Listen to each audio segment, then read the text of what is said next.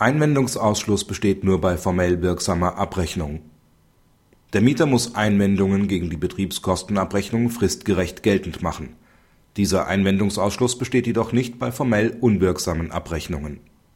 Die Parteien streiten in einem dem BGH vorliegenden Verfahren unter anderem um die Nachzahlung von Betriebskosten aufgrund einer seitens des Klägers ohne Angaben des Verteilungsmaßstabs erstellten Abrechnung die Beklagten erheben erst nach Ablauf von mehr als zwölf Monaten nach Vorlage der Abrechnung im gerichtlichen Verfahren den Einwand, dass der Umlageschlüssel nicht angegeben ist. Der BGH weist die Klage ab, weil die Abrechnung nicht an einem formellen Mangel leidet.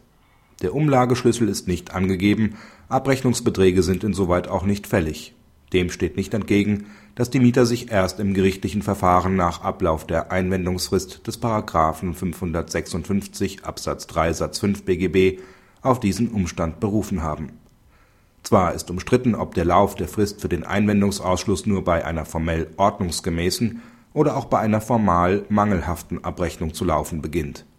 Jedoch setzt, wie sich aus dem Zusammenspiel der Regelungen des § 556 BGB ergibt der Beginn der Einwendungsausschlussfrist stets die Vorlage einer zumindest formell ordnungsgemäßen Betriebskostenabrechnung voraus.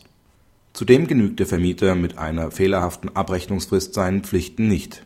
Der Mieter kann immer eine neue Betriebskostenabrechnung fordern.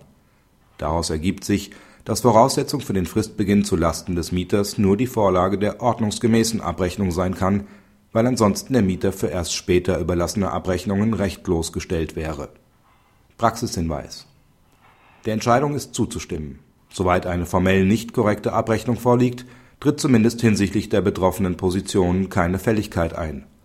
Dann ist es auch konsequent, den Beginn der Einwendungsausschlussfrist nicht bereits zu einem Zeitpunkt beginnen zu lassen, zu dem eine Zahlungspflicht ohnehin nicht eintreten kann